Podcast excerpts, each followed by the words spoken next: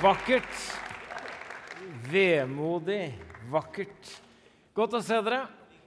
Er dere glad for å høre litt preking? det er strålende. Nøkkelordet i denne serien har vært og er dette ordet med mange lag, mange slags betydninger, enkle ordet verden. Både den ytre, den indre, den synlige, den usynlige, den gode, den onde, den nåværende og den kommende. Og når vi opplever noe ekstremt godt eller ekstremt vondt, så hender det rett og slett at vi må si Det der Det var som det var fra en annen verden. Bibelen bruker det både positivt og negativt. Det mest kjente verset i Bibelen for så vidt av Gud elsket verden. Og den samme Johannes som skrev det, skriver også 'elsk ikke verden'. Og da sier vi 'hva i all verden'? Og da har vi prøvd å hjelpe hverandre med å finne litt ut av disse ulike verden. Og vi har sett på Guds verden, på vår verden, og avslutter i dag med den kommende verden. Vi, mer enn vi tror, blir formet og preget av de fortellingene som vi lever i livene våre ut ifra. Vi som tror på Jesus, eh, tror på Bibelen, vi ønsker å leve livet vårt ut ifra den store fortellingen som fins i Bibelen. En rød tråd fra skapelse, fall, frelse og gjenopprettelse. Det er altså grunnmønsteret i denne eh, taleserien. Jeg syns det er så utrolig flott å dekke nattverdsbordet. Vi er samlet om ordet og bordet. Og tenk deg, på dette lille bordet er alt dette samlet i det vi skal dele. Guds verden, vår verden, den kommende verden. Og så møtes vi i nattverden. Sist søndag så snakket vi om å leve i denne spenningen mellom fall og frelse, som både er i oss og rundt oss. Eh, og så avsluttet vi med å lese apostelen Paulus' formaning i Rombrevet 12, vers 2. Innrett dere ikke etter den nåværende verden, men la dere forvandle ved at sinnet fornyes, så dere kan dømme om hva som er Guds vilje, det gode, det som er til glede for Gud, og det fullkomne. Og når det nå handler om den kommende verden, så er det ikke sånn at det bare handler om hva som skal skje der framme, men hvordan det som er der framme, påvirker våre liv her og nå. Altså at den kommende verden er dominerende og definerende for den nåværende verden. Det er litt sånn soloppgang. Du vet, når de bygde kirker før i verden, så var de veldig opptatt av ikke bare at den skulle passe inn i landskapet, men den måtte ligge vest-øst. Og inngangen er alltid i vest. Fordi man kommer fra mørket. Det er der sola har gått ned. Og så møtes man, og så ser man mot alteret, mot der sola går opp i øst. Og en soloppgang det er jo sånn at det er fortsatt natt. Det er fortsatt mørkt. Jeg ser enda ikke sola på himmelen, men lyset fra det som kommer, har allerede begynt å trenge inn. Vi feirer gudstjeneste i lys av det som kommer. Halleluja. Og vi har allerede bedt. La riket ditt komme. La viljen din skje på jorden slik som i himmelen. Den kommende verden er altså tematikken. Eschatologi er læren om endetiden. Og det dreier seg altså ikke bare om hva som en gang skal skje, men hvordan vi skal leve her og nå i lys av det som skal komme. Og Det er Jesus som bruker dette uttrykket faktisk flere ganger. 'Den kommende verden'. Eh, han sier bl.a. når Peter spør hva skal skje med oss, vi som har forlatt alt for å følge deg, så sier Jesus han skal få mangedobbelt igjen her i tiden og i den kommende verden. Jeg syns Hebrebrevets forfatter har fanget opp dette uttrykket veldig flott når eh, det skrives. Når noen en gang er blitt opplyst og har smakt den himmelske gave og fått del i Den hellige ånd, har smakt Det var da måte på smaking. Har smakt Guds gode ord og den kommende verdens krefter. Jeg elsker jo å gå i butikk. Det er skummelt når du er sulten. Derfor er det litt sånn når du går rundt der og er sulten, og så er det plutselig smaksprøver som er gratis. Hvor mange kan du ta før det blir frekt? Jeg tar en, jeg tar en til. Er det en annen type, den der? Ja, det var vel og, og, og, så går jeg meg en liten runde, og så tenker jeg Kanskje hun dama er borte nå, sånn at jeg kan smake Altså, Det er litt sånn eh, Du får lyst på mer. Folkens, du har allerede fått en forsmak. Og forsmaken gir mersmak. Du får lyst på mer. Det er ikke sånn at den kommende verden er den fremmed verden. Det er den verden du allerede har fått smake noe av. Men du har ikke smakt alt, men det kommer alt sammen. Og det kalles for Guds rike. Vi begynte jo med Guds verden. Men så snudde jo vi Gud ryggen og gikk vår egen vei. Så når Jesus kommer, så introduseres dette begrepet Guds rike, altså i vår verden. Matteus, som skriver først og fremst til jøder, han vet jo at jøder kan ikke si ordet Gud. Derfor kaller han det himmelriket. Men det er akkurat det samme. Guds rike er himmelriket. Basileia, som betyr Gud der Gud regjerer, eller som engelskmennene sier, 'kingdom of God', Guds kongedømme. Når vi snur Gud ryggen og går vår egen vei, åpner for dødskreftene og kaoskreftene, så skulle man jo tro at Gud ville forkaste oss og gi oss opp. Men han jager etter oss med sin nåde. Han sender profet etter profet som sier det skal komme en frelserkonge Messias, han skal komme og etablere Guds rike i verden. Og en julenatt i Betlehem skjer akkurat det. Det er himmel på jord. Evigheten kommer inn i tiden. I en krybbe med høy for Gud hud, og vi ser Gud synlig i en liten menneskekropp. Noen av oss var på en konsert i Jakobkirka før jul med Reiersrud Kleive. Og så hører jeg Reiersrud synge She's got the whole world in her hands. She's got the whole world in her hands. Da tenkte jeg ja, det er det du gjør.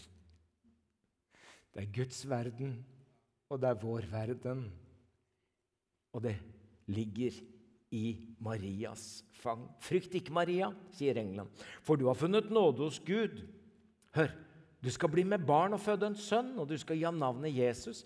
Han skal være stor og kalles den høyeste sønn, og Herren Gud skal gi ham hans far Davids trone. Og han skal være konge over Jakobs hus til evig tid. Og det skal ikke være ende på hans kongedømme. Altså verken ende eller grense i tid eller i rom. De som hører dette, har jo bare én referanse. Det er den type konger de har sett og har erfaring med. Det var jo det eneveldige kongedømmet, hvor det var den sentraliserte makten uten begrensning, som f.eks. ble praktisert av eh, den romerske keiser diktatur. Så tenker de vi skal få en konge. Og den kongen er større og sterkere enn keiseren i Rom. Og han kommer til å gjenreise riket for Israel, sånn at grensene er trygge, og at dette kongedømmet er etablert en gang for alltid. Det må ha vært forventningene, naturlig nok. For det var jo den referansen de hadde på dette med konge. Og så står han der, 30 år gammel, døpt i vann, fylt av ånd. Og så sier Jesus Tiden er inne.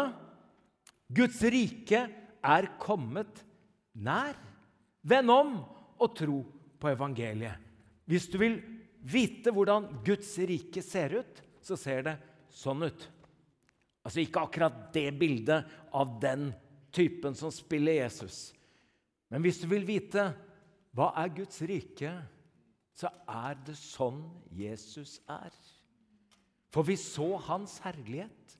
Den herlighet som den enbårne sønn har fra sin far, full av nåde og sannhet.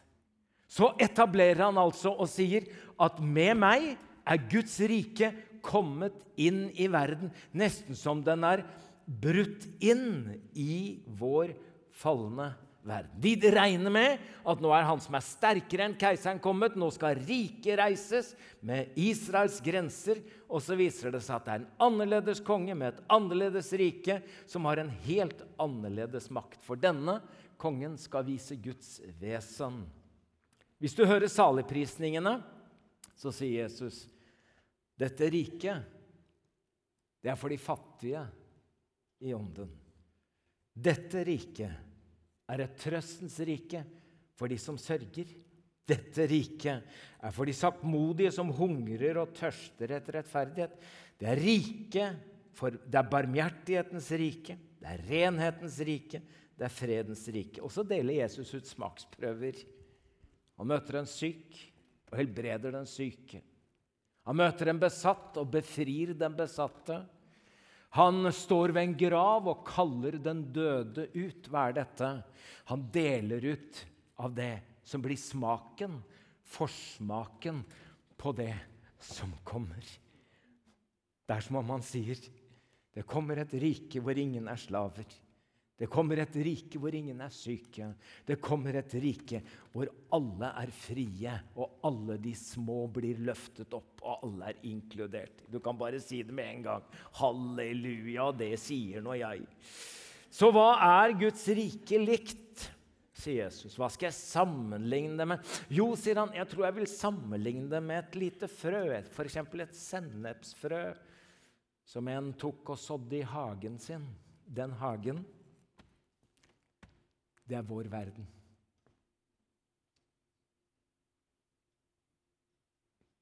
Og det som var så lite, det er blitt så stort.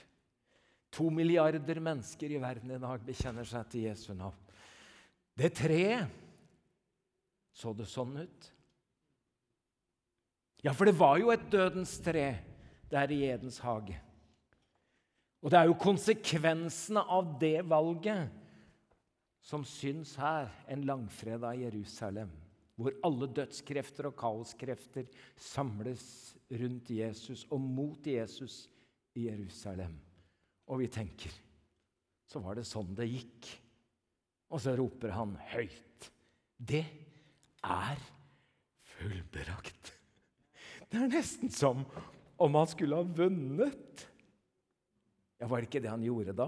For nede i tempelet der revnet forhenget fra øverst til nederst. Det forhenget det var 18 meter høyt, det var 9 meter bredt, og så var det en knytteneve tjukt. Og i det forhenget som skilte mellom synder og Gud, der var det vevd inn to kjeruber. Du husker riktig. Det var det Gud satte til å vokte inngangen til Edens hage etter syndefallet. Og de ble vevd inn i dette forhenget i tempelet for å si til alle syndere av alle slag hit, men ikke lenger. Adgang forbudt for syndere, små og store, grove og fine. Du kommer ikke lenger enn dette.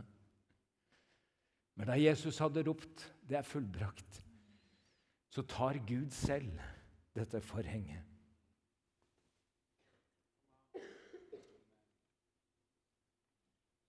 Og skyver disse kjerubene til side for å fortelle hele verden. Veien til Gud er åpnet. Gud er en forsonet Gud. Det vi mista i Edens hag, det får vi tilbake.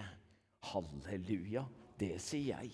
Som om det ikke er nok, så er det noen graver som åpnes. Av hellige mennesker som er døde og har blitt begravet. Men idet Jesus roper 'fullbrakt', så er disse oppe og går. Og jeg syns det er rart når jeg møter Abrahamsen i Jerusalem og sier 'Er det deg, Abrahamsen?' Jeg var i begravelsen din i forrige uke.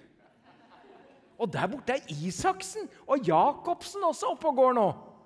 Hva er det som har skjedd? Nei, det var så vanskelig å ligge stille. Det var et eller annet som hendte. Så gikk de og la seg igjen, da. Men det var som om de ikke klarte å bli liggende. For når han ropte 'Det er fullbrakt', det var det som om han sa en dag skal jeg rope alle de døde ut av sine graver. For han har vist seg som seierherre over dødskreftene de som har tatt livet av mennesker til alle tider. Og så skjelver hele jorden og slår sprekker. Det er nesten som om Gud selv legger ned en grunnstein i kloden for en ny himmel og en ny jord. Det er som om det Jesus gjør på korset, ikke bare har konsekvenser for sjeler og kropper, men for hele skaperverket. Det er som om hele skaperverket, som trues av dødskreftene, sier det kommer en ny himmel, det kommer en ny jord. Og du vet, Det er det som kalles for Guds rike, som allerede er her, men som ennå ikke er kommet fullt ut. Altså at det er både nåtidig og framtidig samtidig. Det der kan bli et sangvers, Egil. Nåtidig og framtidig samtidig. Det er både nærværende og kommende. Altså at det som en gang skal komme, allerede er her, sånn som det ble vist i Jesu liv og tjeneste. Og ikke bare i Jesu liv og tjeneste, for han døde og reiste, eller han sto opp og reiste til himmelen etter hvert. Men på første påskedag så gjentok jo han det som Gud gjorde i skapelsens morgen, når han blåste liv inn i menneskets nese. Så har Jesus stått opp fra de døde, og så blåser han det evige livet inn i sine disipler og sier, 'Ta imot Den hellige ånd'. Du vet at Egil Svartdal han har en kropp med datomerking. Begrenset holdbarhet kalles det. Best før. Ja. Og så får jeg av og til hjelp av en lege, av og til hjelp av litt kosthold, av og til litt medisiner og behandling, sånn at jeg varer en stund. Og så dør jeg. Men det er én ting i Egil som aldri kan dø. Det er det liv Gud blåste inn i min sjel. Da jeg kom til tro på Jesus, lot meg døpe, fikk jeg det evige liv. En dag skal det livet som har brutt inn i mitt liv, bryte helt igjennom, så jeg får en ny kropp som aldri kan dø og aldri blir sjuk. Og det livet som har brutt inn i deg og meg, det skal få sitt endelige gjennombrudd når Jesus kommer tilbake. Men det er ikke bare sånn at vi da kan si Guds rike det er det som er inni alle som tror. Derfor Guds rike er mer enn det. Det er det også, men det er mer enn det. For at på første pinsedag så var det jo ikke bare sånn at Jesus fylte 120 disipler med Den hellige ånd. Han øste sin ånd utover alle mennesker. Så det betyr at Guds ånd er Guds rike nærværende i verden. Jeg vet at dere syns dette er salig. Eh, du vet at, Hør på hva Truls Åkerlund kan få seg til å si. Pinsedag med Ånden som pant er ikke først og fremst fokus på den framtiden Ånden garanterer, men på det nærværet Ånden representerer. Altså, Det er deilig sagt, Truls. Han har jo kalt artikkelen som jeg har lest, og som jeg har hatt glede av å lese, for 'Halen som logrer med hund'. Det er jo deilig perspektiv. Altså Det er halen vi har men det er hun i forlengelsen. Og det betyr at vi allerede har tak i noe. Og så kommer alt, og så kommer det mer. For han har sagt, og jeg, for han har jobbet mye med tematikken, og han har hjulpet mange av oss. fordi når jeg vokste opp, var det et primært fokus på bortrykkelsen. Og Bortrykkelsen er jo det lønner seg å være rede når Jesus kommer, for da forsvinner alle de troende, og så kan det gå til helvete med resten. Faren med det det er at vi blir passive, for det hjelper ikke å gjøre noe. For det kommer til å gå død dundas uansett hva vi driver med. Men det spiller jo ingen rolle, for vi skal jo bort herfra. Halleluja! Og vi skal fare bort om månen. Det var ikke så mange som kunne den sangen, nei. Nei, ikke sant? Men da får vi det perspektivet hvor vi tenker altså Et sånt endetidssyn kan føre til at vi blir passive, tafatte. Vi vet ikke hva vi skal drive med. Er det noen mening i å holde på med noe som helst? Prøve å bevare, beskytte, ta vare på og bygge? Det er jo ikke noe vits i. Jo, det er noe vits i. For det som kommer, det skal ha påvirkning på det som allerede er. Og da eh, står det jo eh, dette, på HLTs hjemmeside et sånt favorittsitat for Truls. Another world. Hva er det han sier? Another world is not only possible, she is on her way. On a quiet day I can hear her breathing. Det er vakkert sagt, altså. Jeg hører godt etter. Så hører jeg at hun er på vei. Jeg hører pusten av henne. Ja, og jeg har en viss erfaring med gravide kvinner. Så ikke mange, men noen. Eh, en kone og tre døtre, annet. Eh, og ser hvordan eh, livet som allerede er her, påvirkes av det som kommer. Ikke bare sånn at jeg setter meg i sofaen og venter. Ha, dette tar Ni måneder, det er lenge å vente. Hva skal jeg drive med i mellomtida nå? Ja, det er jo ikke sånn det er. Jeg sendte en tekstmelding til jentene våre og sa har dere noe bilde av dere sjøl hvor dere står og maler eller snekrer eller sånn tydelig gravide og venter og pusser opp barnerommet. Så, var det ingen som hadde det. Jeg blir litt lei meg, for det, så måtte jeg google og så finne dette litt sånn overromantiske bildet her. Det blir litt sånn uh, dette var vekk. Og det er jo det også! Men få med deg det andre også, og tenk at det som kommer, påvirker noen de slutter å røyke den dagen de vet at de er gravide. Andre slutter å drikke alkohol. Noen begynner å leve sunnere. Ja, hva er det som har skjedd med deg, ja? Og da begynner noen å få mistanke. Er du gravid, eller? Ja. Det som kommer, påvirker livet allerede nå. Og sånn skal vi ikke bare tenke at det skjer der framme, men det som skjer der framme, det preger livet mitt her og nå allerede. Og Derfor så handler det om å engasjere seg i det Gud gjør i verden. For Guds rike det handler om å etablere og engasjere seg i det Gud allerede gjør i vår verden. Når jeg var liten og gikk på søndagsskolen, så sang vi en sang som jeg syntes var veldig gøy å synge. Det var denne 'Bygge Guds rike, bygge Guds rike'. Bygg. Er det noen som kan? Hør. Kom igjen, Kim. Du har du, altså. Og så var det sånn Gutter, kom og hjelp oss, jenter. Altså, det, var så, det, var så, gøy. Og det var sånn såkalt bevegelsessang. Jeg skjønte ingenting. Hvordan kan du bygge Guds rike i verden, da? Det var en som kom inn på en sånn byggeplass og så at det satt en kar og bygde, og spør hva er det du driver med. Jeg hogger i stein. Og akkurat sånn så det ut. Litt lenger bort satt en annen kar som så til å drive med det samme, men han så helt annerledes ut. Hva gjør du? Jeg bygger en katedral. Så er kanskje ikke det viktigste hva du gjør, men det er hva du ser når du gjør det. Guds rike sånn som det har sett ut i Jesus. Guds rike som du ser for deg i den jobben du gjør, i det studiet du tar, i det livet du lever. Sånn at det som skjer der framme, ikke bare skjer der framme, men det skjer her og nå og påvirker oss i alt vi gjør, for vi har allerede sett det. For vår profetiske oppdrag er jo ikke først og fremst å tyde tegn, men å være et tegn for den verden som vi lever i. Eh, vi hadde denne tematikken om kirke som forandrer verden, på led for noen år siden. og Andreas Egertun hadde en god undervisning og skrev også noen ord i en sånn ledbok om en kirke som forandrer verden, og mennesker og samfunn. Og sier at vi forandrer den både nedenfra og ovenfra.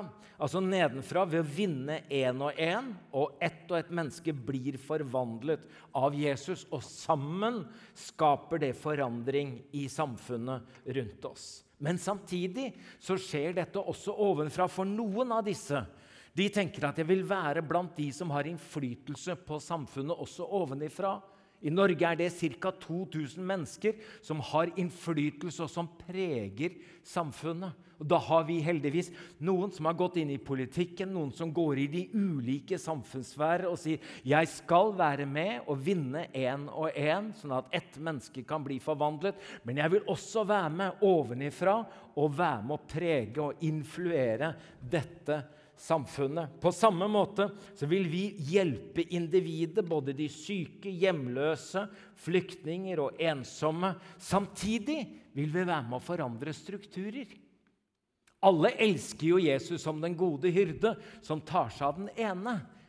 Og han er det ingen som blir sint på, så han kan du snakke om alle steder. Jesus som den gode hyrde.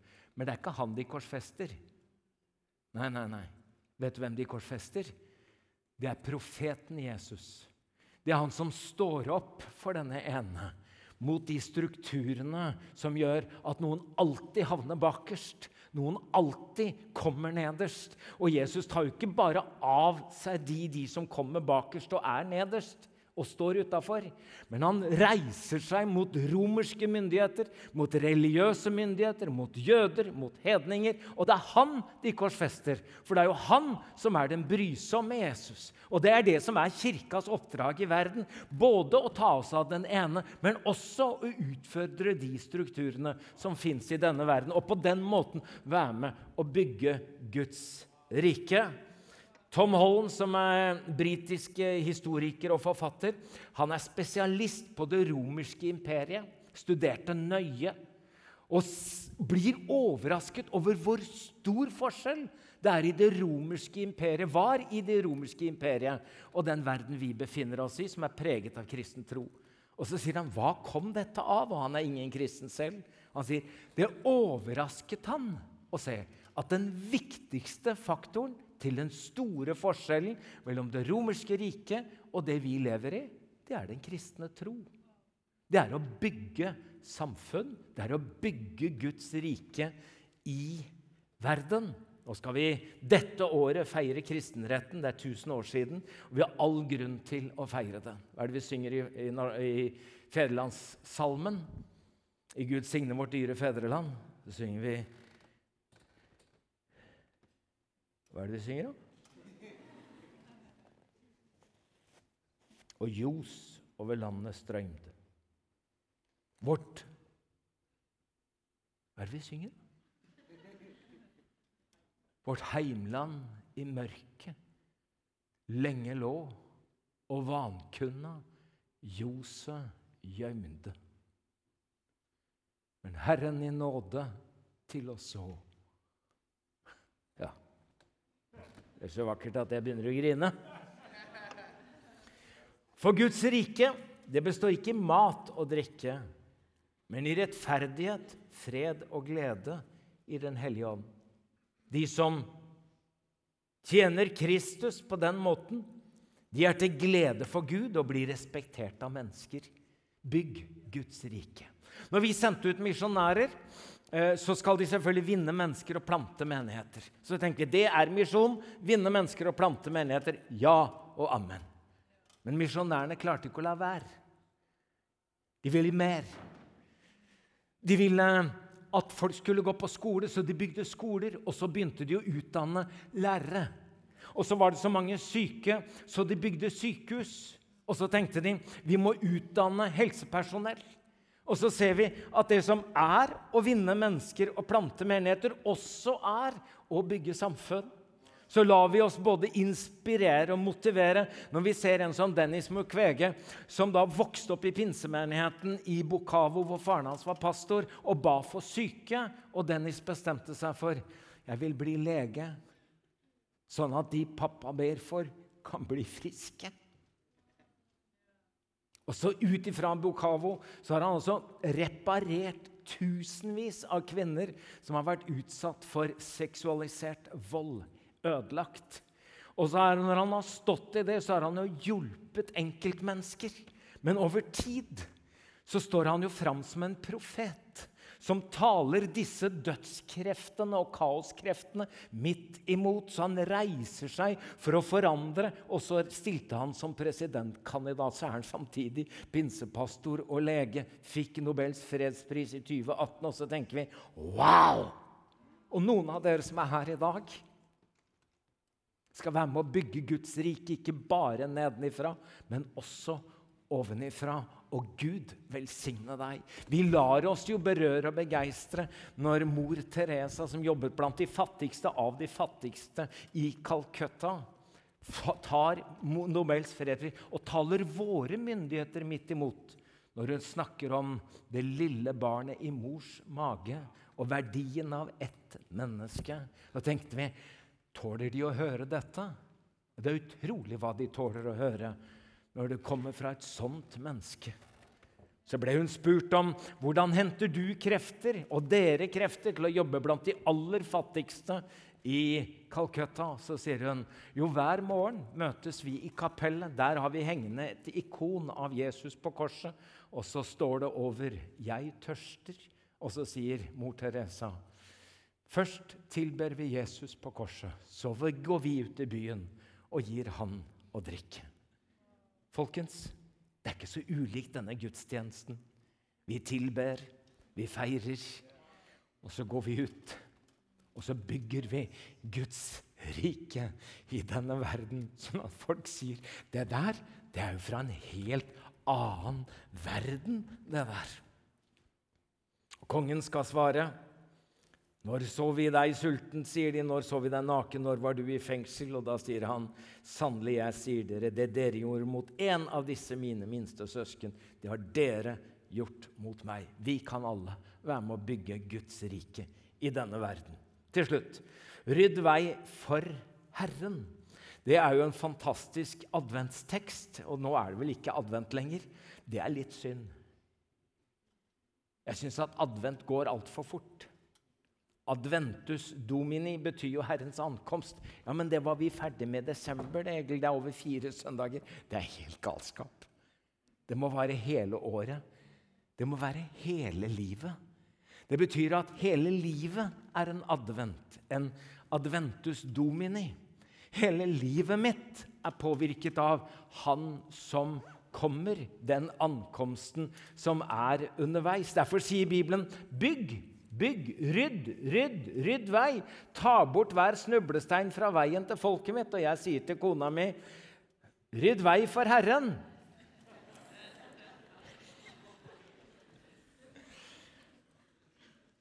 Jeg ser du er her, Turi. Eh, det krever en viss forklaring. Altså, den mener ikke at jeg er Herren. Men jeg har veldig dårlig rygg. Og så er det sånn at Jeg, jeg lå fjerde, fire dager i, i romjula fordi at jeg hadde vært ute og måka snø, så jeg har prøvd meg. Og så er jeg lat i tillegg. Og så når du har fått en halvmeter snø, så sier jeg til Turi vi venter på mildværet. Turi, vi venter på mildværet. Og så sier nei, det er meldt mer kaldt, sier Turi. Og så kommer det mer snø. Så sier jeg da venter vi på våren. Der har du meg. Ja, da, jeg er litt der sånn. Det kommer en tid hvor alt dette er borte, fru Svartdal. Og så sier fru Svartdal til meg, 'Men Egil, vi må jo ut.' Ja, men sier, Vi må jo ikke ut i dag, sier jeg da. Ja, men jeg må på butikken, sier hun da. Ja vel, da. Og så sier jeg, men må jo ikke på butikken i dag, sier jeg. Vi kan jo gå en annen dag. Og så sier hun, Egil, jeg venter folk. Oi. Da er det altså vi som skal ut, og så er det noen som skal inn. Det syns jeg er litt fint. Så rydd, rydd. Rydd sånn at det du har i deg, kommer ut. Og rydd sånn at det som er der ute og der framme, kommer deg i møte. Ta bort snublesteinene, måk vei om så nødvendig, og skap den veien som han skal komme. For profeten Johannes døperen ble sagt han skal rydde veien for deg, altså til Jesus. En røst som roper i ødemarken, 'Rydd Herrens vei, og gjør hans stier rette'. Jeg må innrømme, dessverre som pastor, at Johannes' åpenbaring i altfor stor grad har vært en lukket bok for meg. Jeg har lest enkeltvers og avsnitt med glede, men har trøbbel med å gått inn i boka. Mulig at jeg fikk en overdose for tidlig av alle som mente seg å vite alt i minste detalj. Når jeg leser da Sagerustens bok, som har vært bibeloversetter i mange år, skriver så vakkert, til og med på nynorsk, Johannes' åpenbæring en samtidsvisjon. Jeg som trodde at Johannes' åpenbaring bare handler om det som kommer langt der framme, og som kanskje kommer nærmere. Når han åpner Johannes' åpenbæring for meg, så er det sånn at jeg får en samtidsvisjon. Jeg ser at det har vært der opp igjennom. Og så begynner jeg å gjenkjenne det som er. Og så begynner jeg å se at det er jo ikke bare bilder som svever. Jeg ser at den røde hesten som er krig, som kommer med sverd. Jeg ser at hungersnøden som kommer med pest, og så kommer disse kreftene gjennom verden. Og så beskriver Johannes. Så kommer den hvite hesten, og han som sitter på den, har en krone. Og han kalles for seier. Vet du hva? Jeg tror ikke på jordens undergang. Jeg tror på jordens forvandling. Jeg tror at det Jesus har gjort, det omfatter hele skaperverket. For jeg så en ny himmel og en ny jord. For den første himmel og den første jord den var borte, og havet fantes ikke mer. Og jeg så den hellige by, den nye Jerusalem, stige ned fra himmelen, fra Gud, gjort i stand og pyntet som en brud for sin brudgom. Eivind Skeie har skrevet dette i en sang som han kaller 'Jordens forvandling'. Jeg tror på jordens forvandling en tid, et sted, en gang. Skal alle ting bli nye, og alt bli fylt av sang? Ja, jorden skal fornyes, og jo, ting skal skje. Bak døden venter Jesus. Den som vil tro, skal se. Jeg var pastor i Kristiansand i mange år. Jeg hadde morgenbønnemøte hver tirsdag. Og Veldig ofte satt jeg sammen med biskop eh, Erling Utnem. Eh, han delte så mye av sin tro, sin kunnskap, og vi ba sammen. Eh, jeg hadde jo vært opptatt ensidig, fokusert bortrykkelse. Han var mer opptatt av det som kom. Han hadde skrevet boken 'Visst skal jorden bli ny'. Og så hører jeg han avslutte nesten alltid bønnen sin med dette. Du må komme, Jesus, du som setter alle ting i rette stand. Og jeg vil lytte etter lyden av dine trinn. Herre, jeg takker deg at den kommende verden allerede er her og at det kommer en dag fullt og helt. Jeg ber om at vi får hjelp til å engasjere oss i det du allerede gjør i denne verden, og leve i lys av det som kommer. I Jesu navn. Amen. Du har nå hørt en podkast fra Filadelfia-kirken i Oslo. Vil du vite mer om oss, gå inn på filadelfia.no. Og ikke minst velkommen til å feire gudstjenester med oss hver eneste søndag, enten fysisk eller online.